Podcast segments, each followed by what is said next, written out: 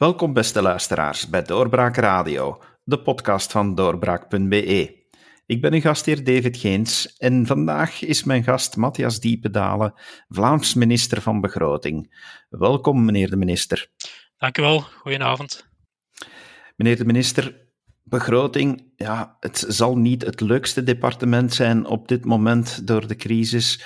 En er wordt uh, met miljarden gerekend in, uh, in de tekorten. Uh, hoe zwaar gaat het momenteel met de begroting? Eerst en vooral, het hoeft, niet leuk te zijn natuurlijk. Ik denk wel dat het belangrijk is, ook in deze tijden. Uh, maar we staan er zeer slecht voor in die zin. Wij hebben als Vlaamse overheid de traditie om een gezond begrotingsbeleid te voeren. Dus ook de laatste jaren hebben we er heel hard op gelet om die begroting in evenwicht te houden, om uh, geen schulden op te bouwen. En daar zijn we ook in geslaagd. En dat is een zegen geweest. Um, er zijn volgens mij twee belangrijke redenen waarom dat we moeten terugkeren zo snel als mogelijk naar een gezond uh, begrotingsbeleid, een gezond financieel beleid. En dat is enerzijds natuurlijk de, de, de, de, argument of de reden, de motivering die we altijd aanhalen. En dat is dat het niet aan ons is om schulden door te schuiven naar de volgende generaties. Als je vandaag geld wil opdoen, moet je ook zelf maar zorgen dat je dat geld kan opbrengen. Dat is de belangrijkste reden en dat is uh, voor elke periode en, en, en situatie in de tijd een gegeven volgens mij als het aankomt op begrotingsbeleid. Maar de crisis die we nu doormaken, de pandemie die we nu doormaken, wijst ons eigenlijk nog een keer op een tweede belang van een gezond financieel beleid. En dat is het feit dat een overheid op elk moment in staat moet zijn om op een heel correcte of, of, of goede manier te reageren op een dergelijke crisis. Want je mag er donder op zeggen, um, als dat nu over tien jaar is of over vijftien jaar, of dat dat nu financieel, economisch, sociaal um, of opnieuw een gezondheidscrisis is, er zal in de toekomst nog een crisis komen. Dat is nu eenmaal zo. Hè. Het is nog maar tien jaar geleden dat we de financiële crisis, de bankencrisis hebben doorgemaakt. Tien jaar daarvoor was het de, de, de internetbubbel. Uh, je gaat dan nog een beetje verder terug, dat was de, de, de Maastricht-normen die we moesten halen. Daarvoor kom je al gauw bij de Maastricht, uh, sorry, bij de, de oliecrisissen. Dus er is om de zoveel tijd een crisis. En dan moeten wij als overheid in staat zijn om zeker budgetair te kunnen zeggen van kijk, aan die samenleving en dan vooral die economie, we got your back, hè? We, zijn hier. Uh, en om dat te kunnen doen op een goede manier, dat betekent dat je een gezond financieel beleid moet hebben. En je kan dat trouwens zeer duidelijk zien als je kijkt naar de, de reacties van de verschillende landen in Europa. Dan kan je zeer duidelijk zien dat die landen die een traditie hebben van een gezond financieel beleid, zoals Duitsland, Nederland en de meer Scandinavische landen, dan die, dat die vandaag ook veel beter in staat zijn om te reageren op die crisis. Uh, vergelijk dat met hoe Spanje, Portugal, Italië, Griekenland er moeten mee omgaan. Ja, die hebben veel meer moeite en die zijn dan ook beetje tot de bedelstaf ten aanzien van Europa veroordeeld uh, om ondersteuning te zoeken.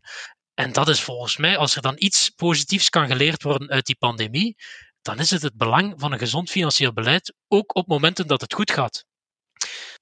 Mijn, mening is eigenlijk een beetje, wij moeten ervan afstappen om uh, als overheid te denken van, van, kijk, er zijn zeer veel goede projecten en dan is het belangrijk dat we daar geld aan geven ik denk dat we dat een klein beetje moeten omdraaien van, van, van hoeveel geld hebben we en dan gaan kiezen wat zijn nu de belangrijkste projecten om geld aan te geven.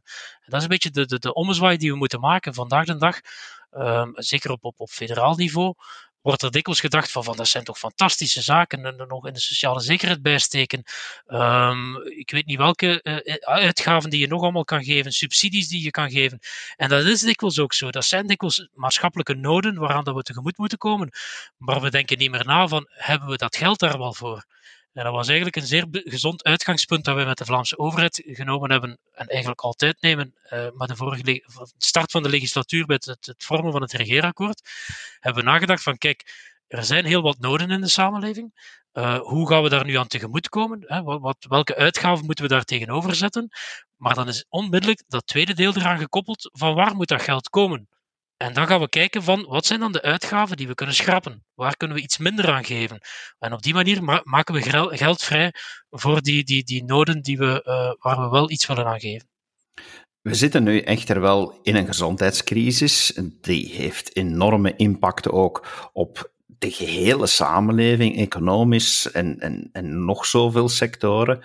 Dus ja, nu kiest de Vlaamse regering ervoor om extra uitgaven te doen. Dus er worden nu wel schulden aangegaan.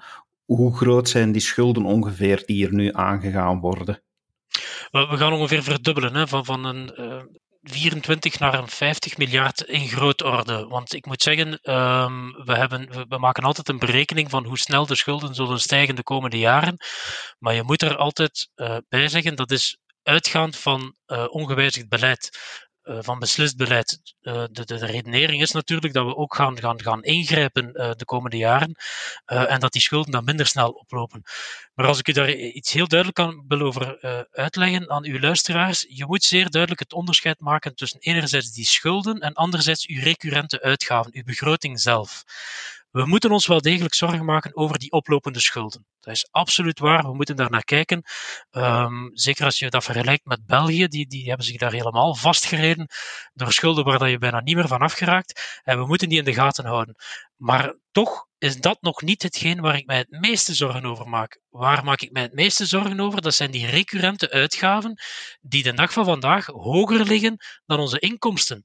En dat betekent dat je jaar per jaar schulden opbouwt komt er eigenlijk een beetje op neer. Je moet geen schrik hebben om, uh, ik zeg maar iets, schulden aan te gaan voor uh, sociale woningen, want die woningen worden uiteindelijk door die huurinkomsten afbetaald. Dat zijn in, uh, uitgaven die je doet, investeringen die je doet, maar die verdien je een deel terug. Maar waar je je wel zorgen moet in maken is in een subsidiebeleid, personeelsbeleid of welk ander ondersteuningsbeleid dat een overheid doet, wat eigenlijk recurrent jaar na jaar uitgegeven wordt. En we weten nu dat we op lange termijn met een tekort gaan zitten van ongeveer een 2, 2,5 miljard per jaar. En dat betekent dat als we daar niks aan doen, die schulden ook elk jaar gaan stijgen met 2 tot 2,5 miljard. En dat is mijn grootste bezorgdheid. Dus die schuldenberg op zich, die nu inderdaad heel hard oploopt, daar hebben we aandacht voor. Maar het, zijn vooral, het is vooral die begroting zelf die jaarlijks terug naar een evenwicht moet gaan. Dat betekent dan dat er moet om ingegrepen worden om op een gegeven moment wel terug die reflex te hebben om een begroting in evenwicht te krijgen. Absoluut, ja. Ik, ik, Ik ga daar de mensen geen blaasjes over wijs maken. Hè. Uh, we zitten in moeilijk water uh, en we gaan daar iets moeten aan doen. We, we, gaan daar moeten op ingrijpen. Voor mij is dat zeer duidelijk dat we, uh, we leven in een land met de hoogste eh, belastingen. En dat betekent dat je natuurlijk in de eerste plaats naar je uitgaven gaat kijken. En dat wordt een zeer moeilijke oefening. En dat is een beetje wat ik daarnet zei. Hè. Je, we doen zeer als, als overheid zeer veel uitgaven die wel degelijk waardevol zijn. Ik, ik, we doen weinig subsidies bijvoorbeeld. We geven weinig subsidies waarvan je kan zeggen van, van dat is echt helemaal weggesmeten geld. Er zullen er ongetwijfeld tussen zitten, maar dat zijn niet de heel grote bedragen. Um, maar we moeten een beetje omgekeerd gaan redeneren. We moeten gaan denken van waar hebben we geld voor? En dat betekent dat er een grens op staat. Het is eigenlijk Ronald Reagan, en ik denk dat hij daar in, in 1976 uh, een interview gegeven heeft, dus voordat hij uh, president werd. En hij zei van, politici gaan naar een kiezer en die leggen hem een programma voor, maar kijk een keer hier wat ik allemaal voor u wil doen. En dan zegt die kiezer natuurlijk, ja fantastisch, hè, daar zitten zaken bij wat we echt wel willen, we hebben dat echt wel nodig. Maar eigenlijk moet je de oefening anders maken. Je moet naar die kiezer gaan en zeggen van, kijk, u krijgt 100 euro, maar we hebben hier een programma. En kijk niet wat fantastische zaken daarin staan. Maar als u dat programma wilt, moet u wel met die 100 euro terug afgeven. En dan krijg je natuurlijk een heel ander oordeel, want veel mensen gaan kiezen om die 100 euro te behouden. Het is zo simpel als dat het geld van de overheid is niet een zak geld die daar hier op, op kantoor in Brussel ligt, of een of andere schatkist of, of een brandkast. Uh, dat is het geld van de mensen en daar moeten we rekening mee houden. En dat betekent dus ook als we extra uitgaven doen aan wat dan ook, dan betekent dat die, die, die inkomsten van bij diezelfde mensen moeten komen. En dus moeten we gaan nadenken, waar willen we effectief als overheid nog op inzetten? We gaan daar keuzes moeten maken. Wat zijn onze prioriteiten? En dat betekent dat er ook waardevolle projecten zijn waar we de keuze gaan moeten voor maken van kijk, dat gaan we toch niet meer doen. Tenzij we natuurlijk die lasten gaan verhogen, maar in een land met de hoogste belastingen nu al, lijkt mij dat eigenlijk geen goed idee. Is er zicht op dat nog gedurende deze legislatuur kan teruggekeerd worden naar een begroting in evenwicht, of zal dat pas voor later zijn? Eh, op dit moment is het zeer moeilijk. Hè. Ehm, net vandaag is er weer sprake over een eventuele derde golf. Dus we weten niet waar we aan toe zijn. We weten ook niet hoe snel dat die economie zich gaat herstellen. Hè. Van, van, van in uh, maart al, van bij die eerste lockdown, volgen we nagenoeg dagelijks alle prognoses die gemaakt worden door de Nationale Bank, het Planbureau, uh, de, de, de, de ECB, KBC, ING, alle banken ook. En die maken allemaal prognoses proberen de toekomst te voorspellen, van hoe gaat die economie de, de, komende jaren verlopen. En als daar één rode draad in te trekken is, dan is het wel de onduidelijkheid. Niemand kan met zekerheid zeggen hoe dat het gaat evolueren. Mijn standpunt is vooral van zodra we terug naar een min of meer stabiel economisch vooruitzicht gaan, moeten wij ons als overheid gaan uh, buigen over die uitgaven en moeten we gaan kijken hoe dat we dat op, op welke manier we een, een realistisch traject kunnen opstellen naar een evenwicht. Wanneer dat precies gaat zijn, ja, dat hangt af van die, die, die gezondheidscrisis en dan is het zeer moeilijk om daar een, een, een vooruitzicht op te geven. Nu, dat gezegd zijnde, het is niet zo dat we vandaag alleen maar. Want ik denk dat iedereen wel begrijpt dat we door de situatie waar we nu in zitten. Nu zitten we midden in die crisis. Nu moeten we vooral die economie ondersteunen. Dat is ook van in het begin, van in maart, zeer duidelijk onze doelstelling geweest als Vlaamse overheid. We moeten dat gezond economisch weefsel dat in Vlaanderen aanwezig is, dat moeten we overeind houden. En die opdracht loopt vandaag nog. We zitten nog altijd in die crisisbeheersing. Maar dat betekent, dus dat betekent dat we zeer veel uitgaven doen, maar dat betekent niet dat we ons niet aan het voorbereiden zijn. En de beste oefening die we daar kunnen voor maken, is eigenlijk, eigenlijk een, een drietal zaken. Eerst en vooral is er de brede heroverweging. Um, we gaan in het voorjaar, komend voorjaar, eigenlijk onszelf een keer onder de loep nemen. We gaan een keer kijken, uh, ja, hoe kunnen we het efficiënter doen? Welke uitgaven kunnen we niet meer doen? Welke keuzes moeten we daar gaan maken? Um, hoe gaan we um, ja, zorgen dat we terug naar een evenwicht gaan? Hè? Dus welke dingen moeten we gaan, gaan schrappen? Dat is de eerste. En dat betekent dat we ergens midden volgend jaar met een, een heel grote lijst moeten zitten met keuzemogelijkheden. Een beetje een, een menukaart, een waaier van ingrepen die we kunnen doen om terug richting een evenwicht te gaan. Afhankelijk van hoe snel dat we dat ook willen. Dus dat is een eerste oefening die we nu al aan het voorbereiden zijn voor de kenners onder uw luisteraars, dat is eigenlijk een beetje een zeer grote spending review. Dus je gaat kijken naar, naar, naar de uitgaven die we doen en die onder de loep nemen. Het tweede wat we moeten doen, is die relance. Um, het beste medicijn tegen de ziekte waar dat we nu mee kampen, en dan heb ik het niet over, over corona zelf, maar dan heb ik het over de economische malaise, um, of nee, of de begroting, is economische groei. Hè. Om onze begroting terug in orde te krijgen, het beste medicijn voor een zieke begroting is economische groei. En dan moeten we daarop inzetten. En dat moeten we op twee manieren doen. Ik denk dat we nu effectief uh, met dat relanceplan een zeer sterk instrument hebben om die economische groei terug aan te trekken, om die terug aan te zwengelen. Uh, die 4,3 miljard. Dat zijn voornamelijk investeringen eenmalig en productiviteitsverhogend. Er zitten ook een paar andere zaken in die we meegenomen hebben, omdat die gekoppeld zijn. Maar we moeten eigenlijk terug een voorsprong nemen uh, om te zorgen dat die economie terug mee is. Een tweede oefening, uh, onderdeel van die relance, en die is volgens mij minstens even bela belangrijk als die investeringen. Want ik vind in, in, de media wordt die relance veel te veel beperkt tot puur het investeringsbeleid, wat zeer belangrijk is, maar het is zeker niet het enige. Zijn de hervormingen die we moeten gaan doen we moeten in Vlaanderen echt een keer de, de, hand in eigen boezem steken en kijken hoe we op een veel efficiëntere manier kunnen gaan werken. Ik heb het dan over ons vergunningenbeleid, over uh, meer doelgerichte subsidiëring, als we nog die subsidies uh, overeind willen houden. Uh, en die hervormingen kunnen even goed zorgen voor relance.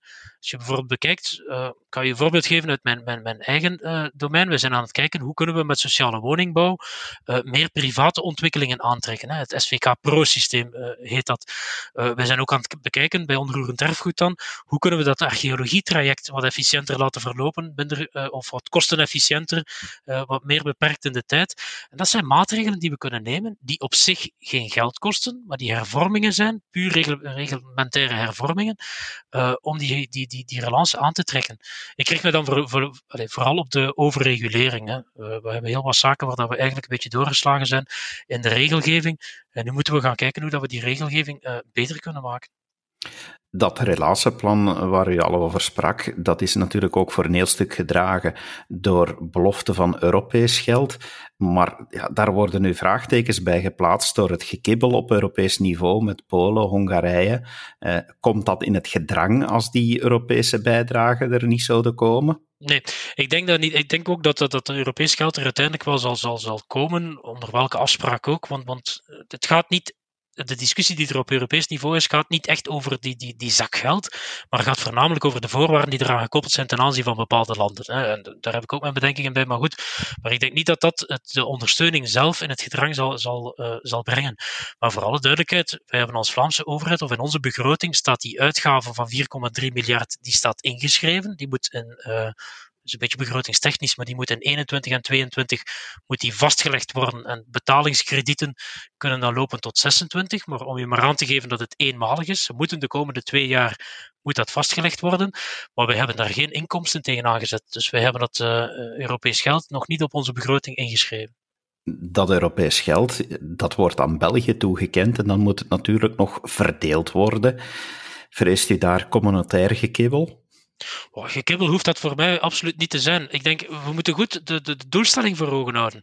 En dat betekent dat we onze economie moeten terug aantrekken. En dat is niet zo moeilijk om, om vast te stellen dat die economie het sterkst is in Vlaanderen en dat die nu ook logischerwijs de zwaarste klappen krijgt. Dus dat we daar ook evenredig de, de, de centen moeten insteken. Het gaat dan voornamelijk om een investeringsbeleid. En dan kan je gaan kijken op de website van de Nationale Bank. Er staat een goede studie op uit 2017 die heel duidelijk aangeeft dat 90% van de uh, investeringen door, door overheid, hè, overheidsinvesteringen, publieke investeringen, dat die gebeuren door de deelstaten en de lokale besturen. Dus dan lijkt het mij ook logisch dat die centen op die manier verdeeld worden. En Vlaanderen heeft daarbinnen dan nog een keer de, sterkste economie, hè, 83% van de uitvoer. Uh, en, en zowat op alle parameters staan wij het sterkst. Dan denk ik dat het logisch is dat wij daar ook effectief de middelen voor krijgen om die economie terug aan te trekken. Het klinkt inderdaad wel logisch, maar logica is soms uh, te ver te zoeken in de politiek. Want ja, u trok ook nog recent van leer tegen de effectentax. Uh, daar noemde u toch ook van dat daar oneerlijke transfers in zitten vanuit uh, de regionale overheden richting federale. Ja, inderdaad. Maar dat is natuurlijk omdat het ook wel eveneens logisch is, en ik hoop dat iedereen er zo over denkt, dat het totaal not done is om als ene overheid een belasting te gaan opleggen waar dat de andere overheid gaat voor opdraaien. Eh, zo is het maar al te gemakkelijk. Ik, ga, ik blijf nog weg van de discussie natuurlijk, die, die, die, die ze maar uh, federaal moeten uitvechten, of dat het verstandig is om een belasting te gaan heffen op, op, op investeringsmiddelen. Want dat is eigenlijk wat dat die, die effectentax doet. Maar goed, ik, ik, ik laat dat, die discussie aan de federale collega's. Maar we hebben vastgesteld dat die effectentax ook voor een groot deel zal terechtkomen bij Vlaamse instellingen. Ik heb het dan over bijvoorbeeld universiteiten. Universiteiten houden de reservemiddelen aan voor geplande uitgaven in de toekomst. Hè, in infrastructuur, in gebouwen, uh, onderzoek en ontwikkeling en dergelijke meer. Dat wordt bijgehouden op effectenrekeningen. Waarom? Omdat natuurlijk een spaarboekje is puur verlies. Ik denk dat we dat ondertussen allemaal weten met de lage rentes. Als je dat op een spaarboekje zet, dan maak je verlies. Dus houden die daarbij op effectenrekeningen. En dat geldt ook voor, voor, voor intercommunales. Uh, in bijvoorbeeld groene energie. Intercommunales die investeringen doen in, in groene energie. Uh, een vergunningentraject loopt nog. Ondertussen houdt men dat geld aan op een effectenrekening. Ook lokale besturen doen dat dikwijls. Uh, niet allemaal, zijn er trouwens niet zoveel, maar sommige lokale besturen houden geld aan de kant eh, voor, voor toekomstige investeringen op een effectenrekening. Je hebt bijvoorbeeld ook het, het Vlaamse Zorgfonds, de Vlaamse Zorgkas. U weet dat u allemaal, uh, iedereen betaalt per jaar uh, die Vlaamse uh, zorgbijdrage. dat wordt bijgehouden op een effectenrekening. En dat gaat toch wel gauw over 1 miljard. En u plotseling beslist daar een andere overheid dat we daar belastingen gaan moeten op betalen. Zonder enige vorm van overleg. Maar dat is de kern geweest van het feit dat we daar inderdaad tegen gereageerd hebben.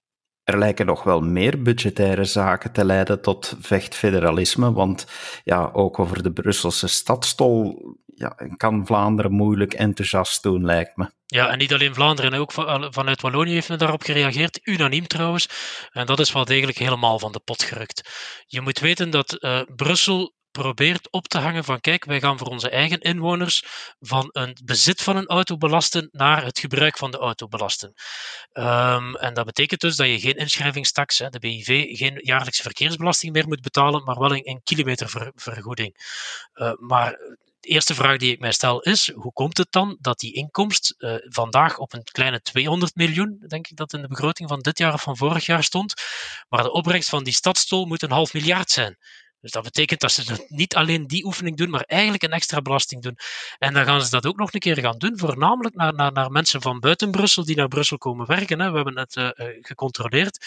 Uh, een leerkracht uit de Vlaamse rand die in Brussel gaat werken, ja, voor die kan dat al gauw een, 100 euro per maand gaan zijn. dat is natuurlijk helemaal uit een boze om het op die manier te gaan doen.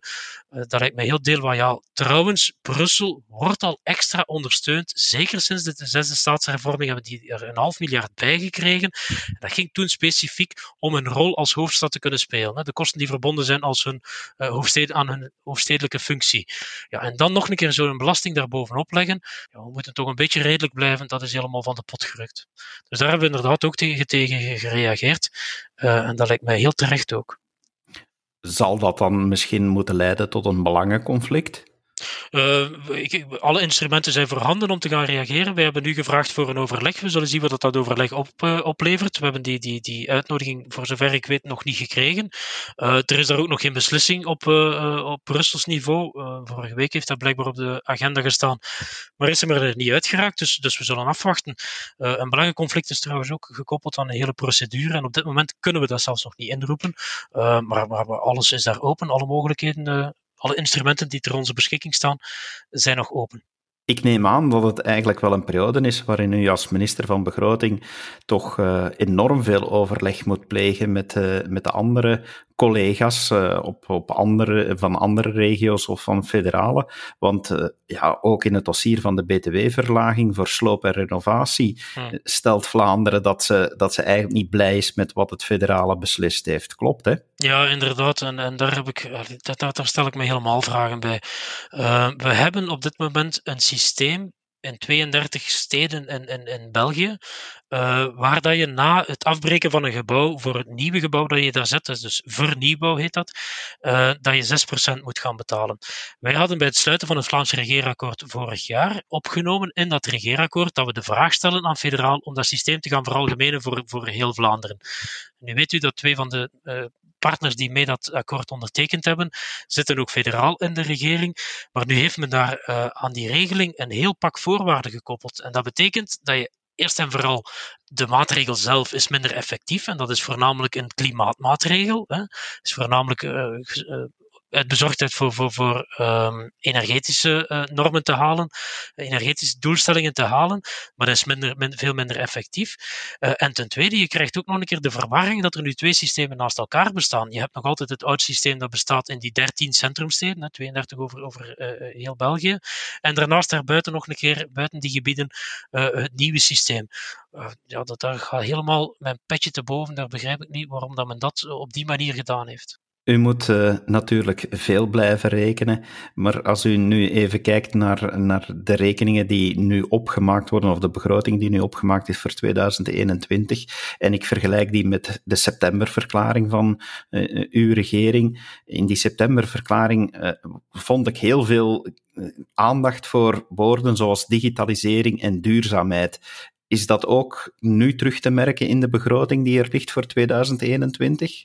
Uh, zowel in de begroting 2021 als in het relanceplan, in de 4,3 miljard. Daar zit ongeveer een 800 miljoen in uh, om naar digitalisering te laten gaan. En dat is volgens mij absoluut een stap die we moeten zetten.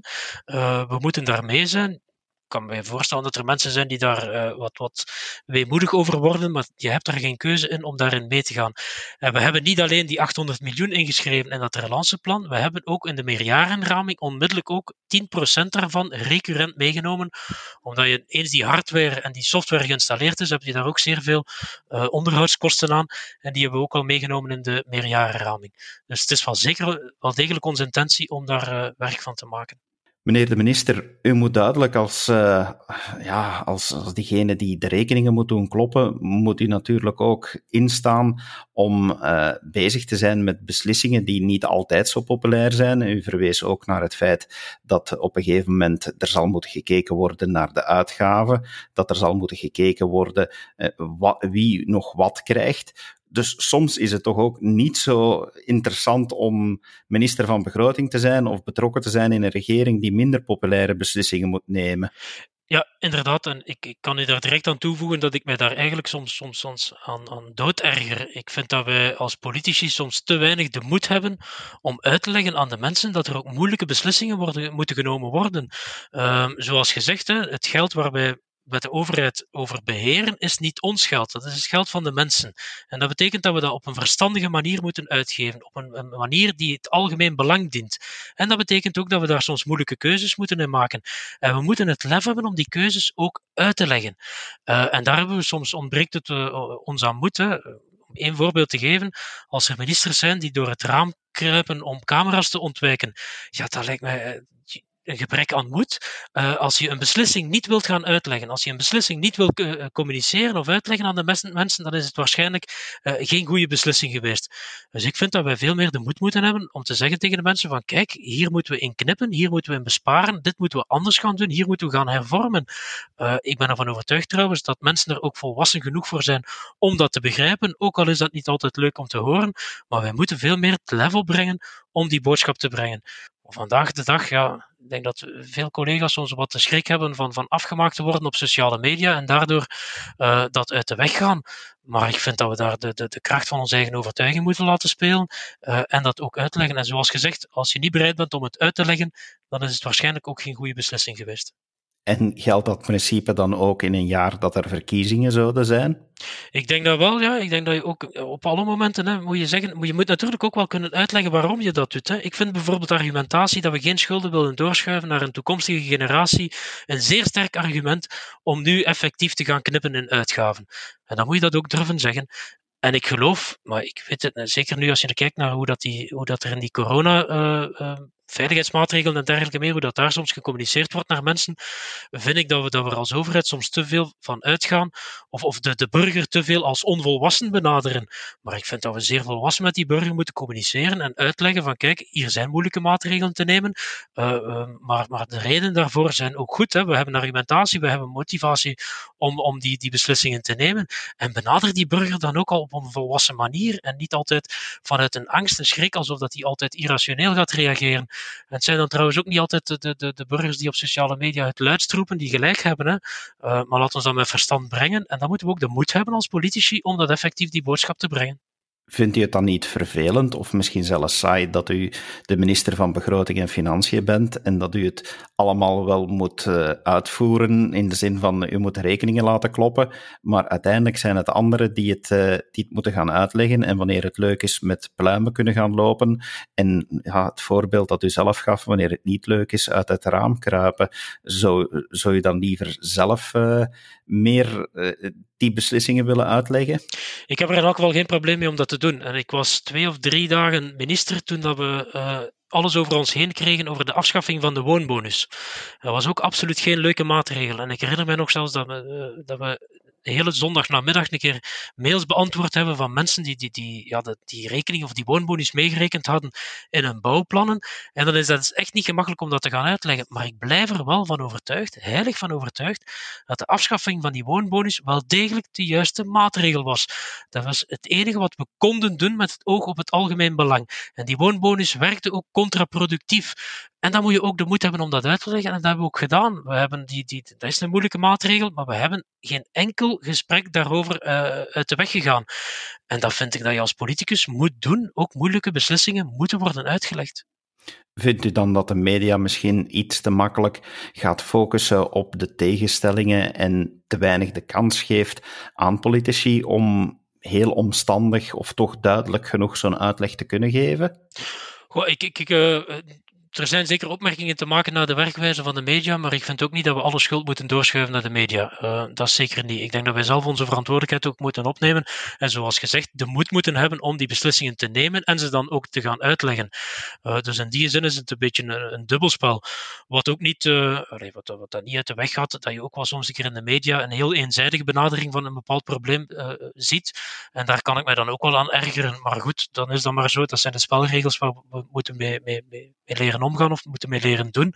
Uh, maar dat houdt niet tegen dat ik nog altijd vind dat wij als politicus uh, die, die, die uitleg moeten geven. Wel, meneer de minister, ik ga u daaraan houden uh, om u af en toe nog eens te vragen om in onze podcast te komen uitleggen. Van ons krijgt u zeker de tijd en de kans om ook moeilijke maatregelen uit te leggen. In ieder geval voor deze keer, dank u wel dat u de tijd hebt vrijgemaakt voor doorbraak. Graag gedaan. En u, beste luisteraar, dank u wel dat u geluisterd hebt. Luister zeker ook naar onze andere uitzendingen. We hebben al een archief online staan waar heel wat in zit. En als u het ziet zitten om, nu we over cijfers gepraat hebben, ons ook even te steunen, dan surft u best naar doorbraak.be slash steun. En dan vinden wij de middelen in onze begroting om ook 2021 verder te gaan met deze podcast. Tot een volgende keer. Dag. Dit was een episode van Doorbraak Radio, de podcast van doorbraak.be. Volg onze podcast op doorbraak.be/slash radio of via Apple Podcasts, Overcast of Spotify. Bezoek ook onze website op doorbraak.be en steun ons door een vriend te worden van Doorbraak.